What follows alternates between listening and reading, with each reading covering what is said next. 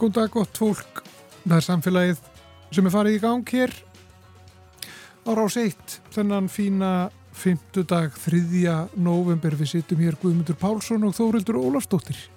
Og ímislegt á dasgrau hjá okkur við ætlum að ræða þróun nýra uppskrifta á steipu. Ræðum við Sigriði Ósk Bjarnadóttur sem er nú framkvæmdastjóru umhverfismála hjá Hortsteini. Hortsteini er eignarhaldsfélag í eigu Björgunar, BM Valla og Sementversmiðunar.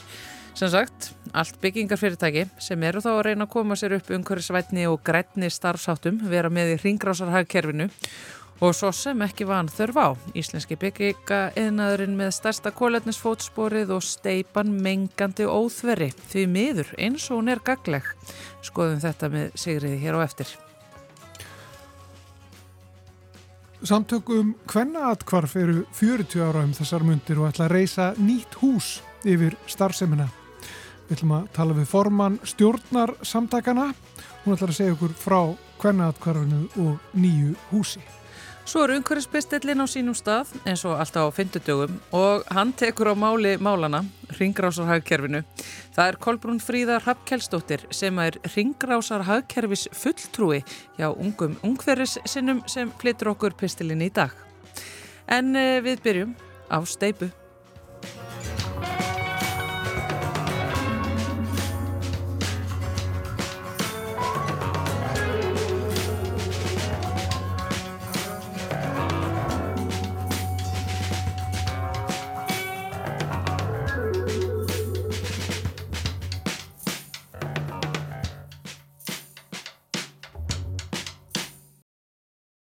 Hjá mér er sest Sigriður Ósk Bjarnadóttir, hún er framkvæmdastjóri umhverfismála hjá Hortsteini eh, sem er eh, byggingafyrirtæki sem að, já, eiginlega svona mæðist í tölvört mörgu. En það er náttúrulega byggingar yðnaðurinn sem að eins og við höfum heyrt oft af hér í samfélaginu sem að er daldi svona svarti péturinn mm. þegar kemur umhverfismálum hjá okkur í Íslandingum og Sigriður, eh, það er það sem að þú átt að reyna bæta Já. með því að starfa innan þessara byggingafyrirtækja mm -hmm. sem að eru sem sagt að gera hvað. Þannig að Hotstein á og regur þrjú dóttufélög sem, sem flestir þekkja, Já. það er þá Bjemallá, Sementsverkmeðan og Björgun. Já. Þannig við erum í raun og veru þannig við erum að vinna steinefni í, í Björgun, við erum að flytja inn sement í gegnum Sementsverkmeðina og svo erum við í raun og veru að, að framlega og dreifa steipu í gegnum Bjemallá ótrúlega mörg tækifæri þarna ja. til þess að taka til í umhverfismálunum og eins og ég segi, þetta eru allt fyrirtæki sem eru svolítið að vinna í já, erfiða yðnaðunum þegar kemur að því já. og hvað eru þið þá að gera? Sko, allan eins og staðan er núna þá erum við bara að vinna hörðum höndum þannig að hérna BMWallá er búin að setja sér það markmið að vera með kólefnist hlutlausa steinsteipuframleyslu árið 2030 og við erum að stefna að nullinu, við bara stefnum hátt eða látt, já og hérna við erum bara að vinna í raun og í því að reyna að lækka kólumsporið á steinstipin okkar mm. og kominni niður í nullið á næstu hvað, 8 árum eitthvað svo leiðis. Ég vil bara fá að vita hvernig það ætlaði að gera ja. það. Ég vil að við, við, við líka eða reyna að vita það sko, en, en þú veist, nei, nei, en öllu grínisleftu sko, þá er þetta, það er búið að kortleika einhver, einhverja hluta af vegferðinni. Aha. Þannig að það er búið að kortleika svona 70-80% af, af vegferðinni. Við erum í eigu þess að Tætilbark Materials sem er svona stort móðurfélagi á, á meginlandinu og þau eru raun og búin að kortleggja uh, kólefnis hérna, í raun og verið vekkferðina svona 70-80% samdrætti. Mm. Þau í raun og verið að kaupa sementi okkar frá Norsem mm -hmm. í, í Noregi og það er rosalega stór verkefni þar sem er raun og verið snúa að sementsframleiðslinni. Þannig við vitum að sementið kólefnissporið að steinstup er hátt og við vitum það. Og, og þú veist og það sem er kannski ástæðan fyrir mér sem þetta er svo óbáslega spennandi því að hérna hefur við raunveruleg tækifæri til þess að hafa áhrif á svo mikið. Ef við náum að leysa einhvern veginn steipun á Íslandi þá getum við náttúrulega bara orðið svona pínu leðaljós fyrir það sem er að gerast annars þar í heiminum. Okay. en við erum, erum að flytja inn sement frá, á, hérna, frá Norsem og þeir eru með reysastór verkefni sem snúa sérstaklega föngun koltvíóksís frá framleyslinu og svo eru þeir með svona niðurdælingaverkefni í Noregi Þannig þetta er raun og veru það sem er að gerast utan okkar, í raun og veru kannski utan landsteina hérna og við kannski höfum ekki mikil tækifæri til að vinna með þessa losun en það sem við getum alltaf gert og erum að gera er að við erum að þróa steipu uppskriftir. Þannig að við erum að prófa ný bindefni, annað en sement í blandu sementi, því að ef við getum dreyið úr sementsnútkunni, þá getum við dreyið úr kolumsporunu. Þannig að þetta er í raun og verið það sem við erum að reyna að gera, við erum í raun og verið bara að þróa nýjar uppskriftir og, og taka ný efni og reyna að finna út hvernig við getum framleitt steipu sem hefur sömu gæði og þessi steipa sem við þekkjum sem er bara með, þú veist, x prosenta af sementi, sko. Þannig að þetta er, þetta er, já, þetta er bara ótrúlega svona spennandi verkefni en, en þetta er rosalega flókið og þetta er erfitt og við búum við rosalega sérstakar aðstæður á Íslandu, við erum að hæsta vindála í heimi, við búum við jarðskjálta, við búum við alls konar svona hluti sem gerir þetta alveg ábáslega flókið. Við þurfum steipu. Við þurfum steipu og við þurfum sterkasteipu og endingagóða steipu og það er þetta sem allir eru svo hrættu þegar við fyrir að tala um umhverfisvæna steipu. Þetta er oft nýjefni, þetta eru auka afrið, við þekkjum nú kannski hérna, flugöskuna frá kóla mm. við þekkjum mögulega kísilrikið og, og svo þekkjum við líka hérna, slaggið úr stálframleiðslu og við veitum svona cirka hvernig þessi efni virka en, en þú veist, þau geta náttúrulega ekki komið alveg í staðan fyrir, fyrir sementið því að sementi hefur náttúrulega bara þessi efnakvör sem við erum svo mikið að sækjast eftir og þurfum svo mikið af að hérna, við erum að reyna að finna út hvað er, hvað er þessi fullkomna blanda til þess að lámarka sementið og takin eins mikið að auka afrið efnum eða náttúrulegum efnum mm. sem í raun og geta þá komið í staðin fyrir, fyrir sementi. Það sem gerist samt sko er að þú veist, hún tekur ofta aðeins lengri tíma harna. Þannig, og það er þessi hörnun þar fáið við styrkin. Þannig hún er aðeins lengri að verða nógu sterk þannig að verktækin getur slegið frá og farið í næsta næsta fasa í uppbyggingunni. Já. Þannig að þetta er svona helsta vandamáli sem við séum, svo er náttúrulega alls konar önnur, önnur svona bara praktíst vandamál sem ég held að leysast með reynslunni. Um leið og við fyrir að sjá fleiri verkefni sem er að setja kröfur á þessu umhverfisvæni steipu og við fyrir að framlega meira af henni, þá vitum við betur hvernig hún er að haga sér og hvernig niðurdælingin er og hvernig þessi hörnunatími er og, og, hérna, og þegar reynslan kemur þá verður þetta auðveldara. Já, já, ég minna, ef þú bara spyr mig að þá finnst mér alveg ágætt að verktakar takja eins lengri tíma í að byggja húsina því að það hefur náttúrulega komið á daginn mjög mikið síðustu árin að einmitt það að vera að flýta sér, að rumpa þessu þessu af uh, hefur Akkurat. bara valdið ofskaplega miklum vandraðum í húsum sem hafa verið byggð núna upp á síðkasti. Algjörlega og ég minna það umhverjast umhverfisvæn hús eru náttúrulega líka endingargóð hús þannig að þetta helst náttúrulega svolítið í hendur já, og, og það tekur tíma, búa til eitthvað sem er endingargóð sko. þetta þekkjum við. Þannig að þetta er eitthvað sem við þurfum að já, já við þurfum kannski svolítið að breyta hugsunni og eins og þú segir, við höfum kannski bara svona uh, haldið okkur við einhverju uppskrifta steipu sem við höfum haldið að megi ekki hakka mm -hmm. en auðvitað má náttúrulega breyta öllu veist, minna, þetta bara þekkja bakarar og, og fólk sem er að prófa þess áfram í eldusinu, það má alltaf breyta og bæta og setja setja ný krydd og draga Al, úr. Algjörlega og það sem við séum, sjáum eins og núna í, í sumar, það sem gerðist, eh, það kom sagt, breyting á steipukablanum, hún er komin í byggingareglugjörn og þetta er ótrúlega mikilvægt skref og, og hérna það sem við sjáum, það eru tvær helstu breytingar sem ég vil kannski reyna svona íta fólki aðeins við fólki og, og koma framfæri. Það er búið að taka út orðið lámarks sementsmagn. Mm -hmm. Nú er komið eins og orðið bindiefni. Þannig er allt í henni búið að hleypa af stað önnur efni sem hafa sömu bindingar eiginleika og, og sementið. Og, og þá getum við fara að prófa okkur áfram í þessum aukaafurðum, líka prófa okkur áfram í mögulega íslenskum efnum eins og íslenska móbergi sem getur nú líka alveg komið í staðin fyrir smáa sementinu. En bara það að taka út orðið lámark sementsmagn, þetta hleypur okkur framleiðand maður meira inn. Ég við þurfum bara að skaffa bindiefni sem er í réttum hlutföllum sem uppfyllir styrtakröfunar mm -hmm. þannig að þetta er að fyrsta, svo er hitt að það er komin í raun og það er búið að alltaf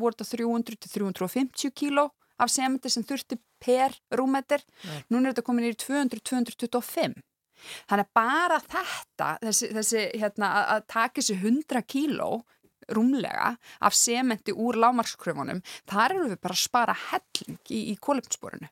Bara þannig einmitt að staldra við það þegar við höfum rætt við þið hér í samfélaginu um einmitt eh, byggingareglugerðir og, og steipumagnir mm -hmm. en þá varstu fræðukona ja. upp í verkræðdelt í háskólanum, núna ertu bara komin aftur inn í atunulífið. Mm ba bara þetta að þessi vistaskipti, mm er það bara til þess að hafa meira og beitna áhrif á hlutina eða? Já, í raun og veru eða ég einhvern veginn mata þannig að einhvern veginn steinsteipan hún skiptir svo miklu máli. Og ef við tölum um bara losum frá íslensku byggingariðina einu viðmiðunar ári 45% af því er, er byggingarefnin. Mm -hmm. og 70%, 70-80% af byggingum á Íslandi eru stiftar.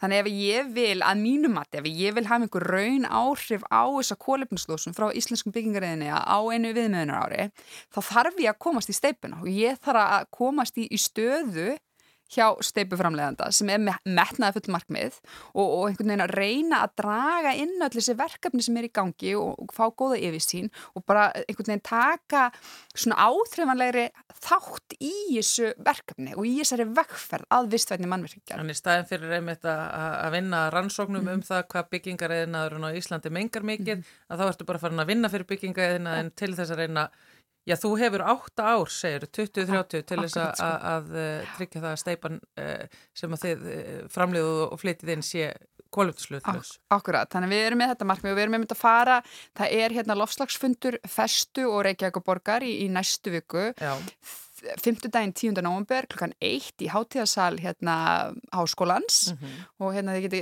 fundið allar upplýsingar á samfélagsábyrg.is en þar eru við að fara að skrifa undir þessa yfirlýsingu sem festa á Reykjavík eru með varðandi sagt, bara markmið í, í kólefnislautleysi og þarna verður bara skriflegt og við, þetta er búið að vera núna öllum auðlýsingarskildum held ég bara víða um bæin um um að býja valla og vera að stefna að kólefnislautleysi en að mínum að þarna með því að skrifa undir þessa yfirlýsingu þá erum við að að, að bara skjálfesta það að við ætlum að gera þetta og það eru alls konar verkefni sem er í gangi hjá okkur núna. Við erum að þú veist, skoða eh, hönnuna og forsteittum einingum sem er hannaðið til að vera teknir í sundur og sett saman aftur, þetta er Ringræsahúsi og við erum að vinna þar með hérna Arnildi Pálmadóttir, arkitekt og hérna og Vafisur Ráðgjöf. Og mm. þetta er rosalega flókið, Ísland, jarðskjáltar hátt vindála og hvernig tekur eitthvað í sundur og situr það saman aftur og veist að það er með sömu, stend sömu álagsfórsundur, þetta er bara rosalega flókið. Svo erum við að vinna verkefni þar sem við erum í raun og sem er hérna, hefur svona þessa bindi eiginleika eins og sementið að prófa að vinna það og, og sjá ef við miljum það niður hvort að það getur komið í staðin fyrir sement mm -hmm. og við mhm. erum að sjá niðurstöður sem sína svona þú getur tekið út cirka 20% sementin og sett þetta íslenska efni inn og þá ertu búin að hérna, draga úr kólumsporunu en þú ert líka með steipu sem er með sömu eiginleika og, og þessi hefbundasteipa og þannig erum við þá að taka efni úr íslenska nærumkvarðinu, við erum alltaf að tala um sjálfbærni og oft þegar fólk hugsa um sjálfbærni það er þetta að við séum ekki háð einhverjum öðrum.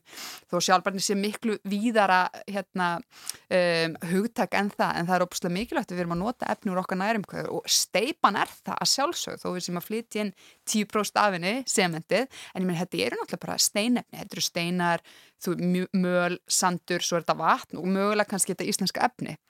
Og svo er við líka að skoða hérna, mögulegan á því að, að, hérna, að þróa jarðefnagarða. Þannig við erum búin að skrifa undir vilja yfirlýsingu með, með sorpu um að þróa eða allan að kanna hvort þessi grundvöldu fyrir því að koma af stað jarðefnagarða.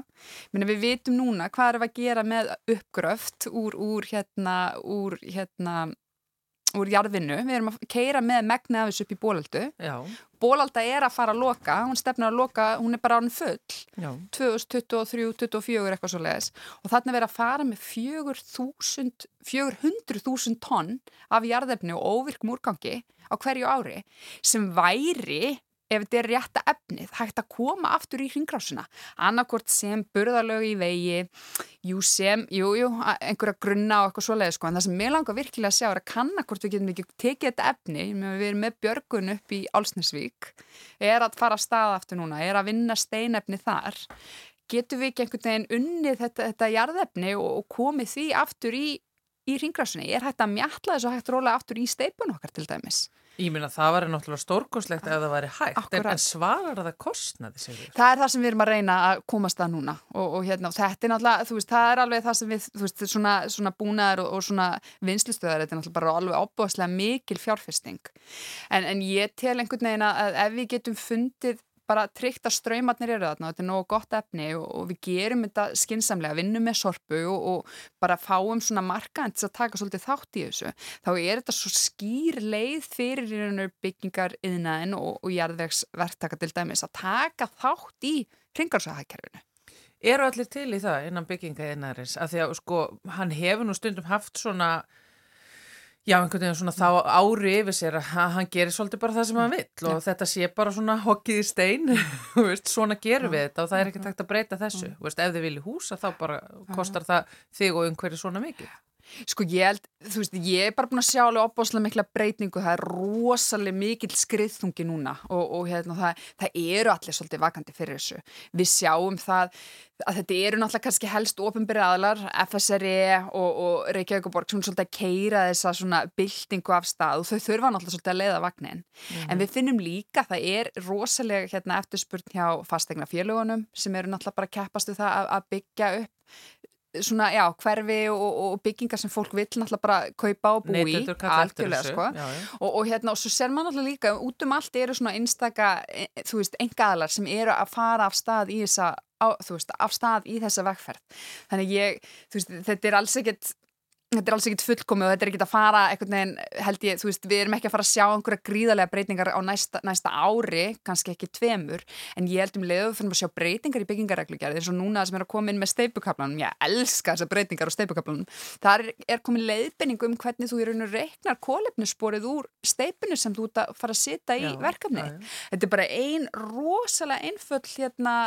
einföld jafna, þú bara ert með rúmætrarna sem þú ert að panta steipu og það er búið sirka áætla kólefnissporið og ég held bara þetta er þessi smá svona vitundavakning, hérna er eitthvað sem eitthvað allir geta í raun og hort á og maður þessi og hérna er líka tækifæri fyrir HMS og, og, og þá aðalega til þess að sapna saman gögnum hvað er verið að panta mig, hvað er kólöfnussporuð af því sem er að fara í þessi verkefni.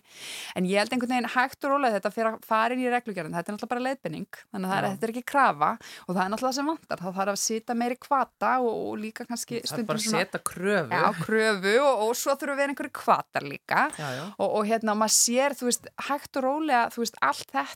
og og spila saman og við erum að sjá fleiri verkefni og þetta er að vera auðveldar að fara í gegnum umhverju svotun. Það er að vera auðveldar að fá vistfyrirskreiningu ábyggingu. Ég menna það eru fleiri farnir að bjóða upp á þessa þjónustu sem því að við erum komið marga aðla sem geta bóðið upp á að fara í vistfyrirskreiningu þá náttúrulega fyrir kostnæðurinn aðeins niður. Já, já. Og það eru alveg, það er ekkert öll fyrirtæki eða allir aðlar sem að koma til með að geta farið yfir þessa yfir þennan þröskuld, sko.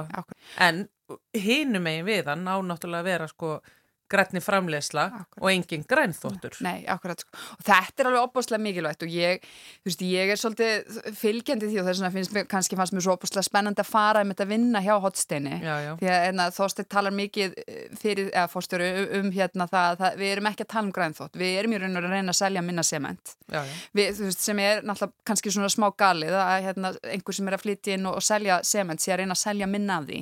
En við gerum okkur alveg grein fyrir því að ef við ætlum að vera samkeppnisæf, ef, ef, ef að vera að setja kröfur um kólefnisspor, segjum svo að kemur inn í byggingareglugjörðin svo danir er að gera, það verður sett kólefnisspor á, á hérna, eða, þak á kólefni sem losa per fermeter, þá verður þetta svolítið þungt fyrir okkur ef það ætlar alltaf að bera saman til dæmis timpur, mm -hmm. ég maður má nú alltaf, þú veist, þetta er, þú veist, það er samt innflutt, þannig við getum alveg rætt það á einhverjum öðrum fundi, en, en þú veist, ef við ætlum að vera samkefnishæf, þá þurfum við að vinna í þessum málum. Þegar þessar kröfur koma, þá ætlum við bara að vera tilbúin að svara með vöru sem er vistvæn, sem er eitthvað sem, þú veist, við viljum alltaf vera líka bara leiðandi á markað, að fólk horfir, þú hugsar vistvænt byggingarefni, þú hugsar steinsteipa, við þurfum að komast þangað að þú hugsaður um steinsteipu og svo hugsaður um BM Valla og Hotstein sem er og leiðandi í þessum málum og við erum bara á þessari vekkferð.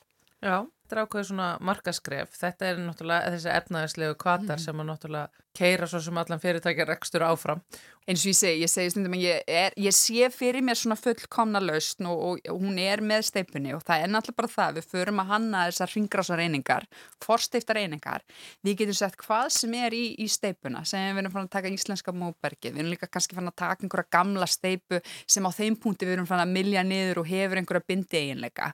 Og svo erum við fann að sitta einhver endunótuð steinefni í þetta líka og ég þú bara komin með í raun og veru mjög lofslæsvæna lausn í efni sem við þekkjum og skiljum sem er steipan okkar. Já.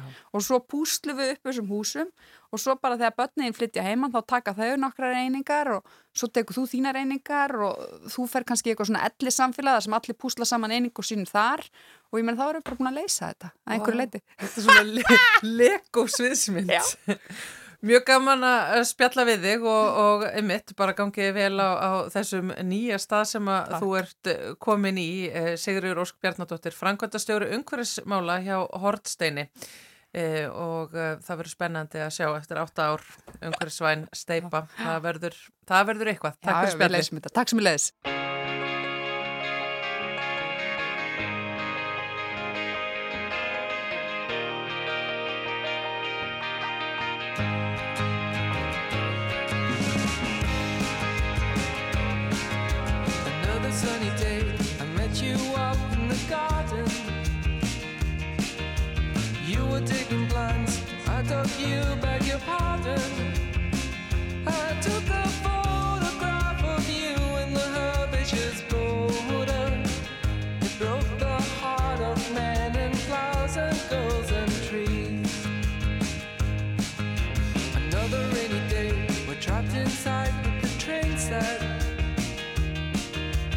Chocolate on the boil,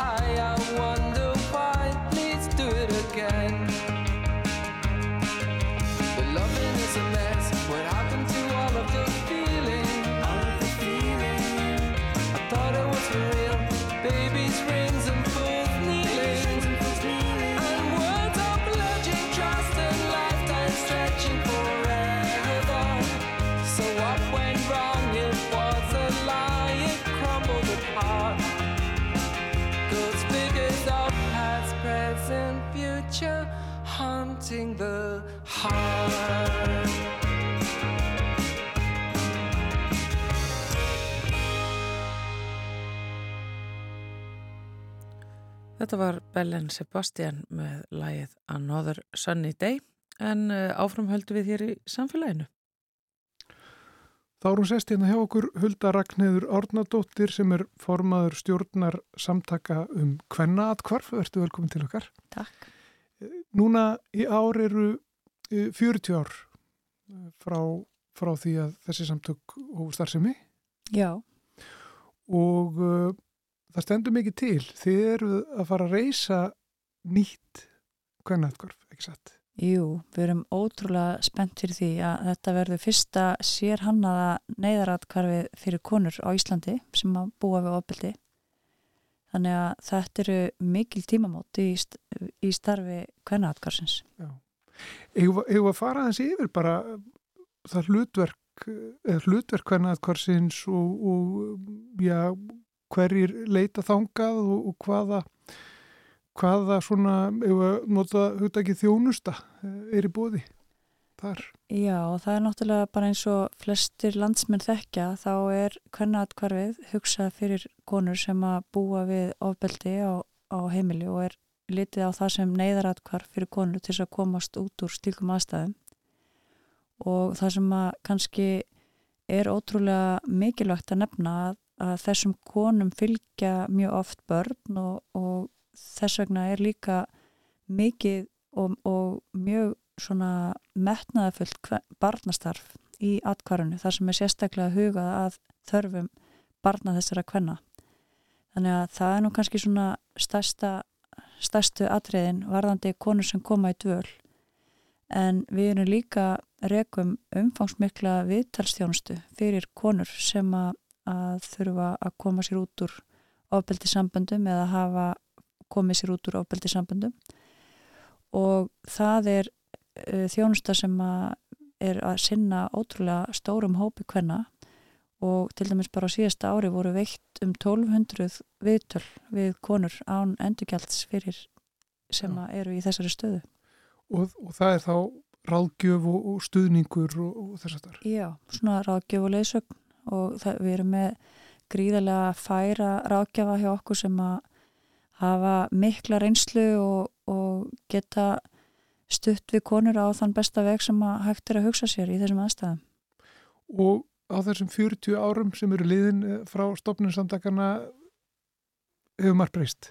Það hefur auðvitað gríðarlega margt breyst og það sem að kannski er sorglegast að markmið þeirra sem að, að voru svona framsýnar að setja á stopn þetta atkvarf var að eftir 40 ár þá þyrrt ekkert hverna atkvarf á Íslandi vegna þess að þá er því það var markmiðið að vera hægt að leggja það niður árið 2022 vegna þess að þá er því búið að opna umræðina það mikið að, að þær heldur að þá myndi þetta ofbeldi ekki e, lifa af lengur í umræðinni en því miður þá hefur þörfin frekar aukist heldur en hitt og, og það er alltaf að verða meir og meiri eftirspurn eftir þessari þjónustu og þannig að við þurfum að stekka við okkur og, og hlúa betur að í rauninni viðtalstjónustunni líka vegna þess að hún er mjög mikilvæg þáttur í starfseminu því að það eru alls ekki allar konur sem að þurfa að koma í dvöl þáttar þurfið stuðning og við viljum bæta verulega þá aðstöðu líka Og fyrir 40 árum ríkti þá bara þögn um, um þetta ofbeldi eins og já, margt annað ofbeldi sem að umræðan hefur aukist um á undanfannum árum. Já, ég held að það hafi verið mikil skömm og þöggun í gangi varðandi heimilisofbeldi og, og það var kannski eh, ríkar að viðhorfa á þeim tíma heldur en í dag að þetta væri eitthvað sem að konur getur sjálfur, sjálfum sérum kent en við vitum öll í dag betur að, að þetta eru aðstæður sem að enginn ætla sér að lenda í en, en er samt raunin að, að það gerist.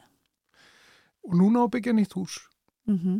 um, þörfin fyrir nýtt hús getur þú útkist aðeins fyrir okkur? Er það umfangið, er orðið það mikið eða er það bara ja, gamalt hús og, og önnur svona og forsendundar kannski aðrar eða aðstæðan? Það eru reyni svona nokkrar ástæður fyrir því að, að það er ákveðið að fara í að reysa nýtt hús það er í fyrsta lagi þá er ekki aðgengi fyrir fatlaða í því húsi sem við erum í dag og það er búið að kanna alla möguleika á því að gera það fært e, fyrir fatlaða og það er slíkur kostnæður að, að hann er hann er í rauninni miklu meiri heldur en að er ásettanlegt fyrir til að gera í því húsnæði sem við erum í dag. Og húsnæði er mjög óhendugt, það er á fjórum hæðum og, og það er engin lifta í húsinu og það er mikið príl upp og niður hæðir. Þannig að það er eina af ástæðanum og það er ekki sér hanna sem atkvarf þannig að það er mjög lítil eða engin aðstæða fyrir starfsfólk heldur sem að við þurfum vissulega að hugsa vel um líka. En síðan er það þessi vitalstjónusta sem að, að hefur í rauninni verið vaksandi þáttur eins og ég sagði á síðust árum. Að það er ekki rými fyrir það í sama húsnæði eins og atkvæðar er í og það er ekki rými fyrir uh, skrifstofur, fyrir framkvæmdastýru eða, eða rekstrastýru heldur í atkvæðan og við viljum auðvitað samina reksturinn allan á eitt stað. Og hvað þarf mikið til? Hva, hvert er nú markmið? Þið eru núna með söpnun í gangi og það er mikið áttak framöndan. Já, við uh, erum með kostnæra állun sem er einhver staðar svona á bílinu 50-600 miljónir. Hún var nær 500 miljónum áður en að þessi hérna, sprengja varð hérna á markanum með tilirandi verbolgu þannig að við erum að sér hættar um að, að það hefði brunnið svolítið upp af, af þeirri áallin núna undanfarið. Þannig að við erum að, að reikna með að, að það sé kannski nær 600 miljónum sem við þurfum. Og við erum svo lánsamar að núverandi húsnæði er skuldlust og við eigum það. Þannig að það verður selt og við erum búin að fá uh, gott framlega frá ríkinu sem að var í rauninni svona startið í þessu verkefni sem að var til þess að við ákvaðum að stíga þetta skref og svo höfum við fengið margar fallega gafir og meil annars var bara núna nýlega uh, kona sem að Óskar Nablindar sem að gaf okkur 20 miljónir í einu lægi þannig að okkur berast ótrúlega gafir af mikilli góðmennsku og hjartalíu frá fólki og fyrirtækjum. Þannig að það er það sem við höfum reitt okkur á í gegnum tíðina og það er nú ekki kannski alveg það sem að hvenna atkvarfið e, stendur fyrir að, að fara út á tork og byggja um peninga vegna þess að það hefur bara verið einhvern veginn svona ákveðin sjálfbærni í því að fólk finnur hjá sér kvöt til að styrkja við hvenna atkvarfið, styðja við hvenna atkvarfið þannig að þetta er svona aðeins nýtt fyrir okkur núna að fara og segja viljiði hjálpa okkur að, að ná endum saman til þess að við getum byggt þetta hús vegna þess að markmið hjá okkur er að skuldsetja okkur ekki til þess að byggja þetta hús vegna þess að við lifum engungu á styrkjum frá árið til árs og við höfum engar, engar fastar fjárvettingar sem við getum gengið að vísum. Þannig að það er ekki það passar ekki fyrir rekstraform þessara starfsemi að skuldsetja okkur með háum húsnæðislánum. Þannig að en við okkur sínist að við svona séum nokkurn veginn komum með svona kannski ríflega helmingin af þeim kostnæði sem við þurfum. Þannig að, að við erum búin að vera að sapna peningum undanfarið og þannig að við treystum svolítið á að, að núna bara leggist landsmenn á eitt og hjálpa okkur og það eru bara spennandi tímar framöndan í þeim efnum. Mm -hmm. Og það er átak sem er í gangi núna og það er, svona, það er eins og viðburðir framöndan, ekki sett? Jú, þetta, við erum komin að stað núna, það var núna 28. oktober hófst uh, vef uppóð, listaverka uppóð sem að Galeri Fold er að halda fyrir okkur á sagt, okkur í, sem góðverk til okkar þannig að þeir gefa öll uppóðskjöld til okkar og sjá sjálfur um að, að lista verkefnin upp og, og sinna uppóðinu Öll verkin sem eru það, ríflega 80 verk, eru gefin af listamennunum sjálfum eða eigund, eigundum listaverka og fyrirtækjum. Þannig að við fáum allar tekjur sem að berast fyrir listaverkin, koma beint í þennan byggingasjóð og það eru eitthvað á milli 10-20 miljóna virði þessi listaverk sem að núna er á uppbóðinu. Þannig að við erum mjög spennt og í kvöld ætlum við með þetta bjóða öllum landsmönum að koma í Galeri Fold á Rauðarstík 12 til 14 þar sem að verða sínd þessi verk og þau hanga þar bara upp um alla sali og við ætlum að vera þar með smá viðburg kl. 5 í kvöld þar sem að gefast nokkrir kostir líka til þess að styrkja söfnunina öðru sér heldur en að kaupa listaverk en það verður spennand að sjá uh, hvernig uppbóðið endar því að því líkur ekki fyrir 13. november þannig að það er tækifæri fyrir fólk til þess að fara og, og skoða uppbúðið. Mm. Og svo er eins og ræðar leiðir náttúrulega til þess að, að styrkja uh, þetta verkefni.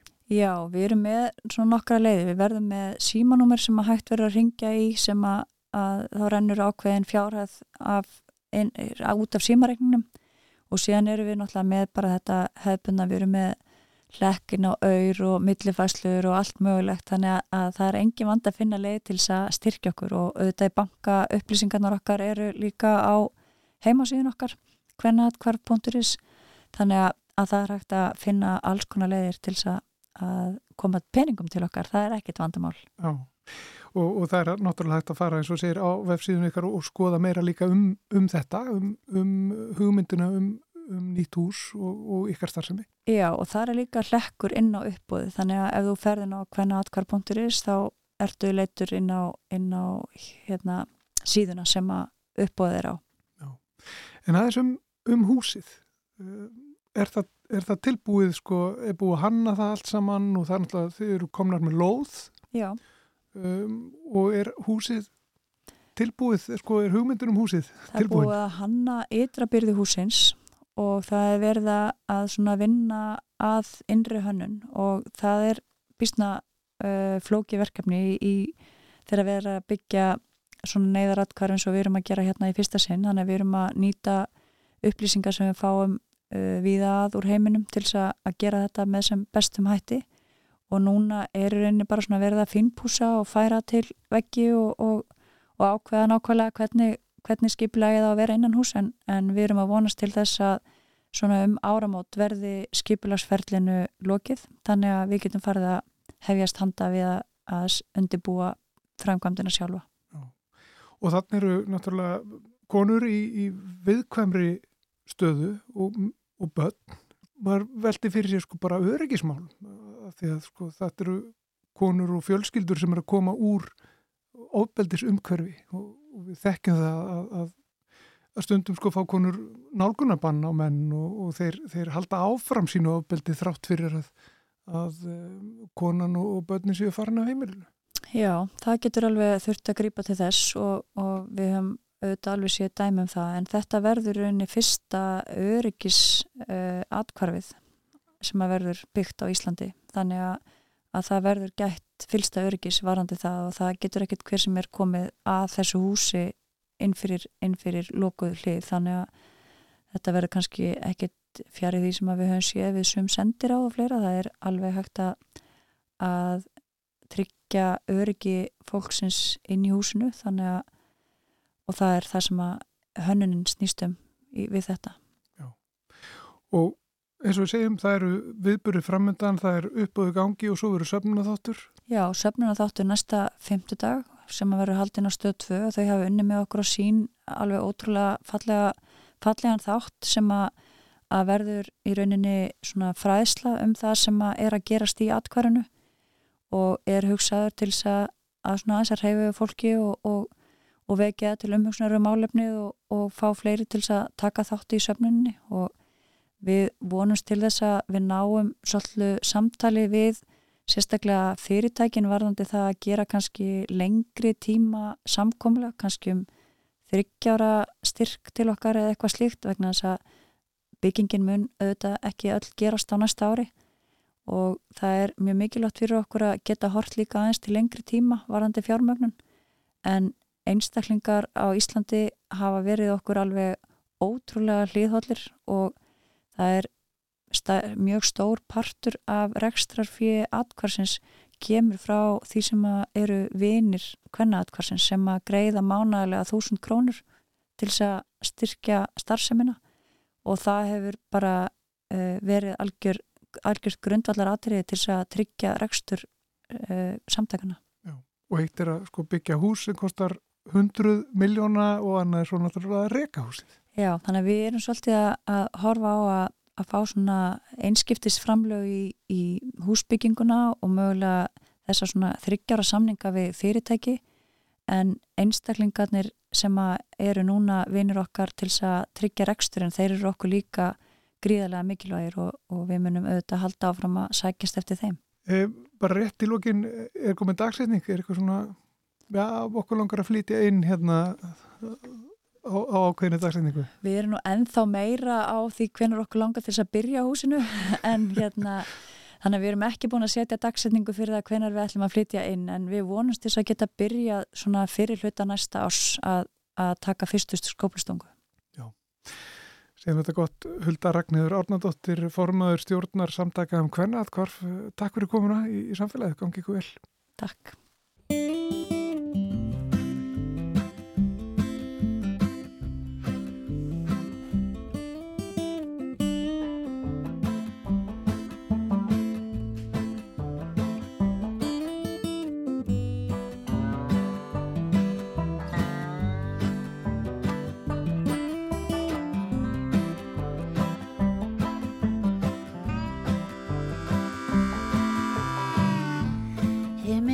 hvelvingin blá. Ótrúlega hvað erfið er að trúa því. Hvergi skíhaður sjá. Óskrifaður kafli til að búa í.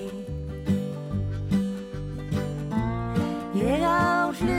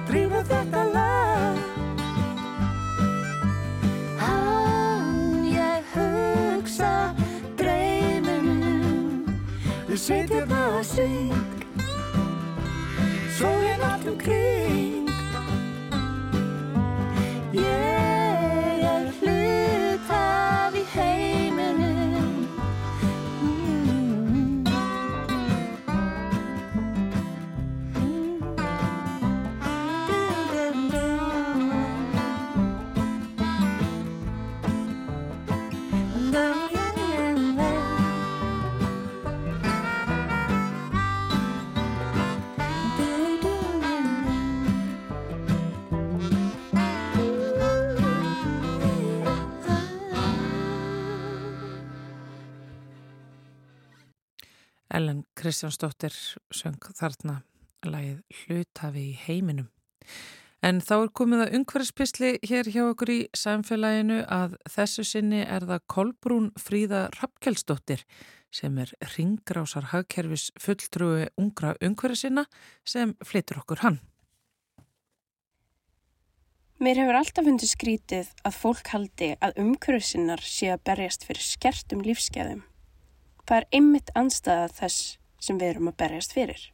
Ég hef oft fengið aðtöðsendir frá ættingi með vinum sem segja Já, þú vilt náttúrulega bara að við notum enga orku og allir séu bara með sjálfstörtar búskap.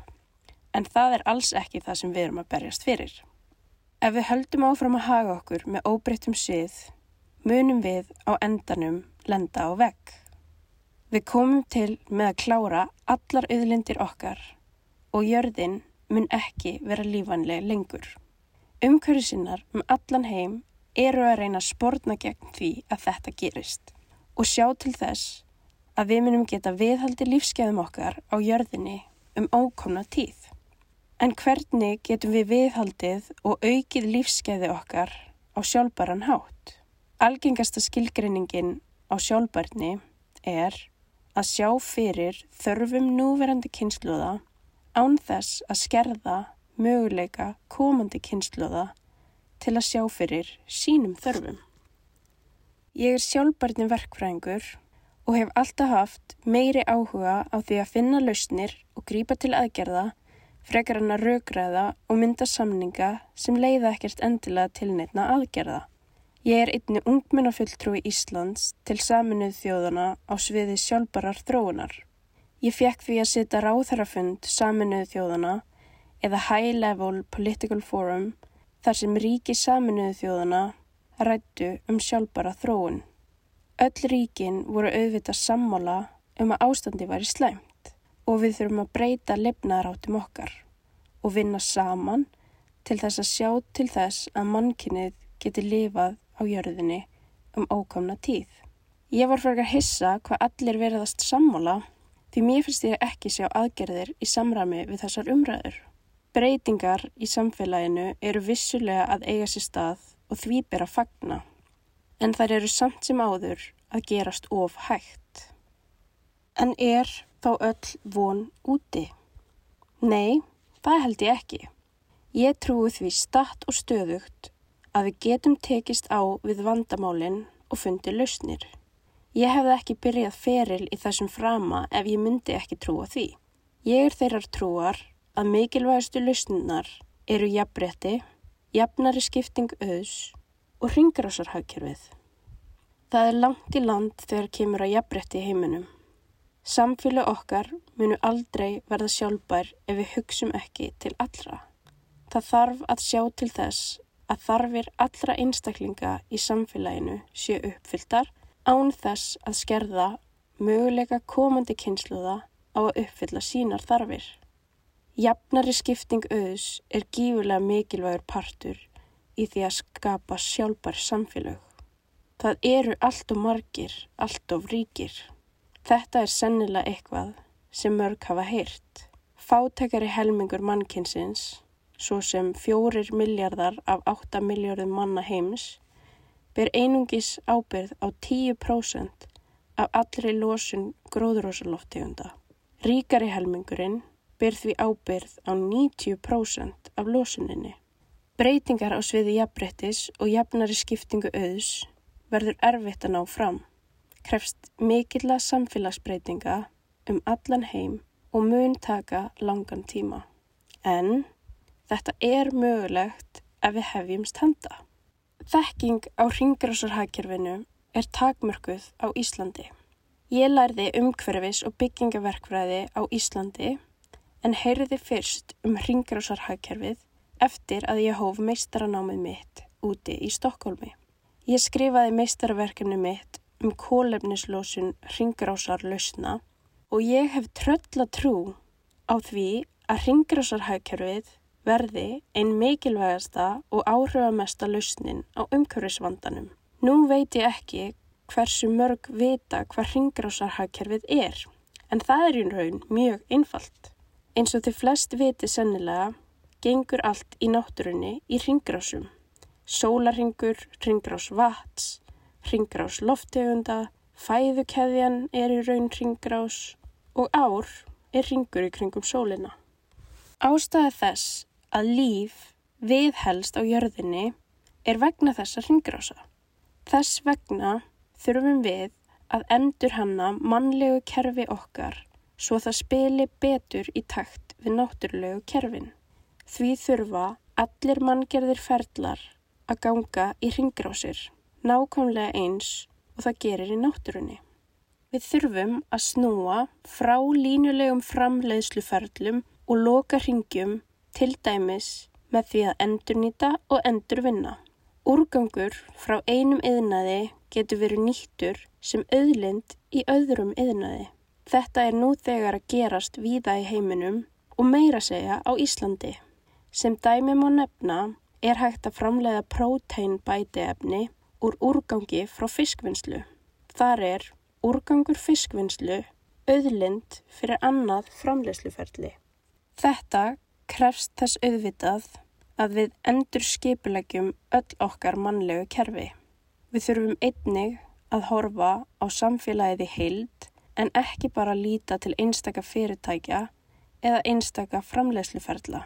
Samfélagið okkar sem er í raun eitt stórt kerfi verður að vinna sem einn stór heild. Við verðum að endurhugsa hvernig við horfum á mannlega kerfið og horfa á það sem hluti af náttúrulega kerfinu og haga okkur í samræmi við þessa hugsun. Ringarásarhagkerfið er ekki bara breytir framleiðsluferðlar, heldur hugsa ringarásarhagkerfið til allra þátta samfélagsins eins og efnahagskerfisins. En heimurinn snýst að miklu leiti um peninga og það virðist fátt gerast nema það sé efnahagslegur kvati til staðar og þess vegna þurfum við að endurskipulegja efnaðaskerfið okkar allt og sjá til þess að það sé ringrásar hagkerfi. Fyrir mér er þetta afar augljóst að ef við leggjumst ekki þessar umbætur eins fljótt og auðið er verður ekkert efnaðaskerfi.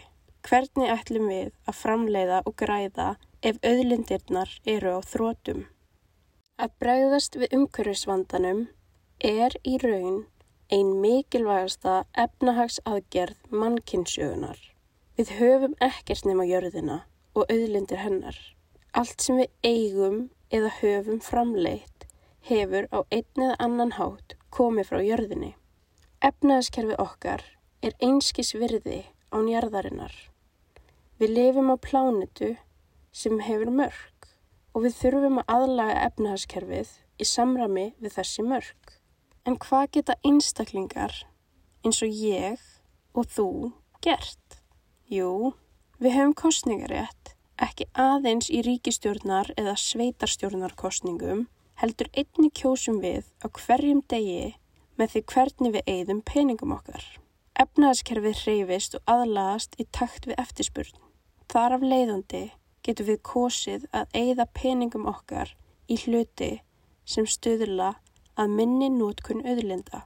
Við getum kosið að kaupa notaða hluti, við getum kosið að kaupa hluti sem endast lengur og við getum kosið að kaupa minna.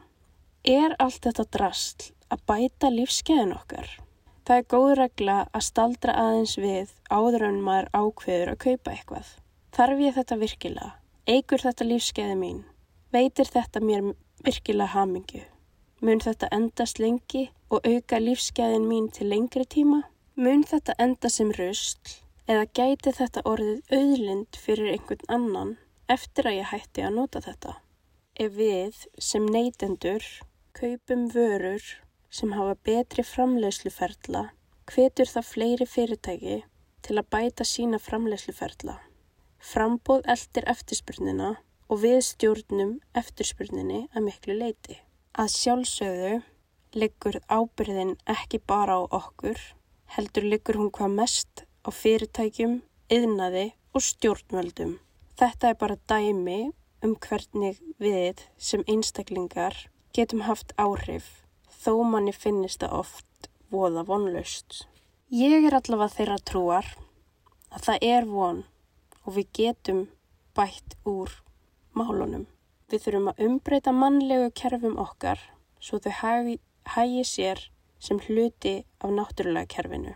Við meðum ekki gleima því að heilbrygt vistkerfi hafa einnig efnaðslega gildi. Við þurfum jafnbretti og jafnari skiptingu auðs. Umhverfismálinn verða að vera kjarni allra pólitískrar umræðu.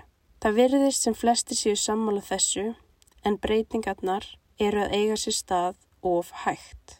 Ringarsarhagkerfið hefur möguleika til að stuðla að því að mannkinnið geti lifað á jörðinni um ókomna tíð. Við þurfum að passa upp á að enginn sé skilin eftir, að efnahagskerfið sé endur nýjanlegt, skapa betri mannleg tengsl millir náttúrunnar, breyta viðhorfum og framkvema í samrami við það til að vernda sameila heimili okkar, fallegu bláu jörðina okkar sagði Kolbrún Fríðar Hapkjelsdóttir eh, í umhverfispislinum hér í samfélaginu. Kolbrún Fríða er ringrásar hagkerfis fulltrúi ungra umhverfis sinna og uh, með pislinum hennar er uh, já, eiginlega bara komið að því að klára þetta samfélag já. í það minsta. Já, þannan daginn. en sjálfsögðu verðum við hér á morgun á sama tíma. Það er sama fólk á sama tíma, sami þáttur, sama rás og svo framvís. Já, já, en alltaf eitthvað nýtt á dasgrá. Alltaf eitthvað nýtt. Heyrust á morgun. Verðið sæl.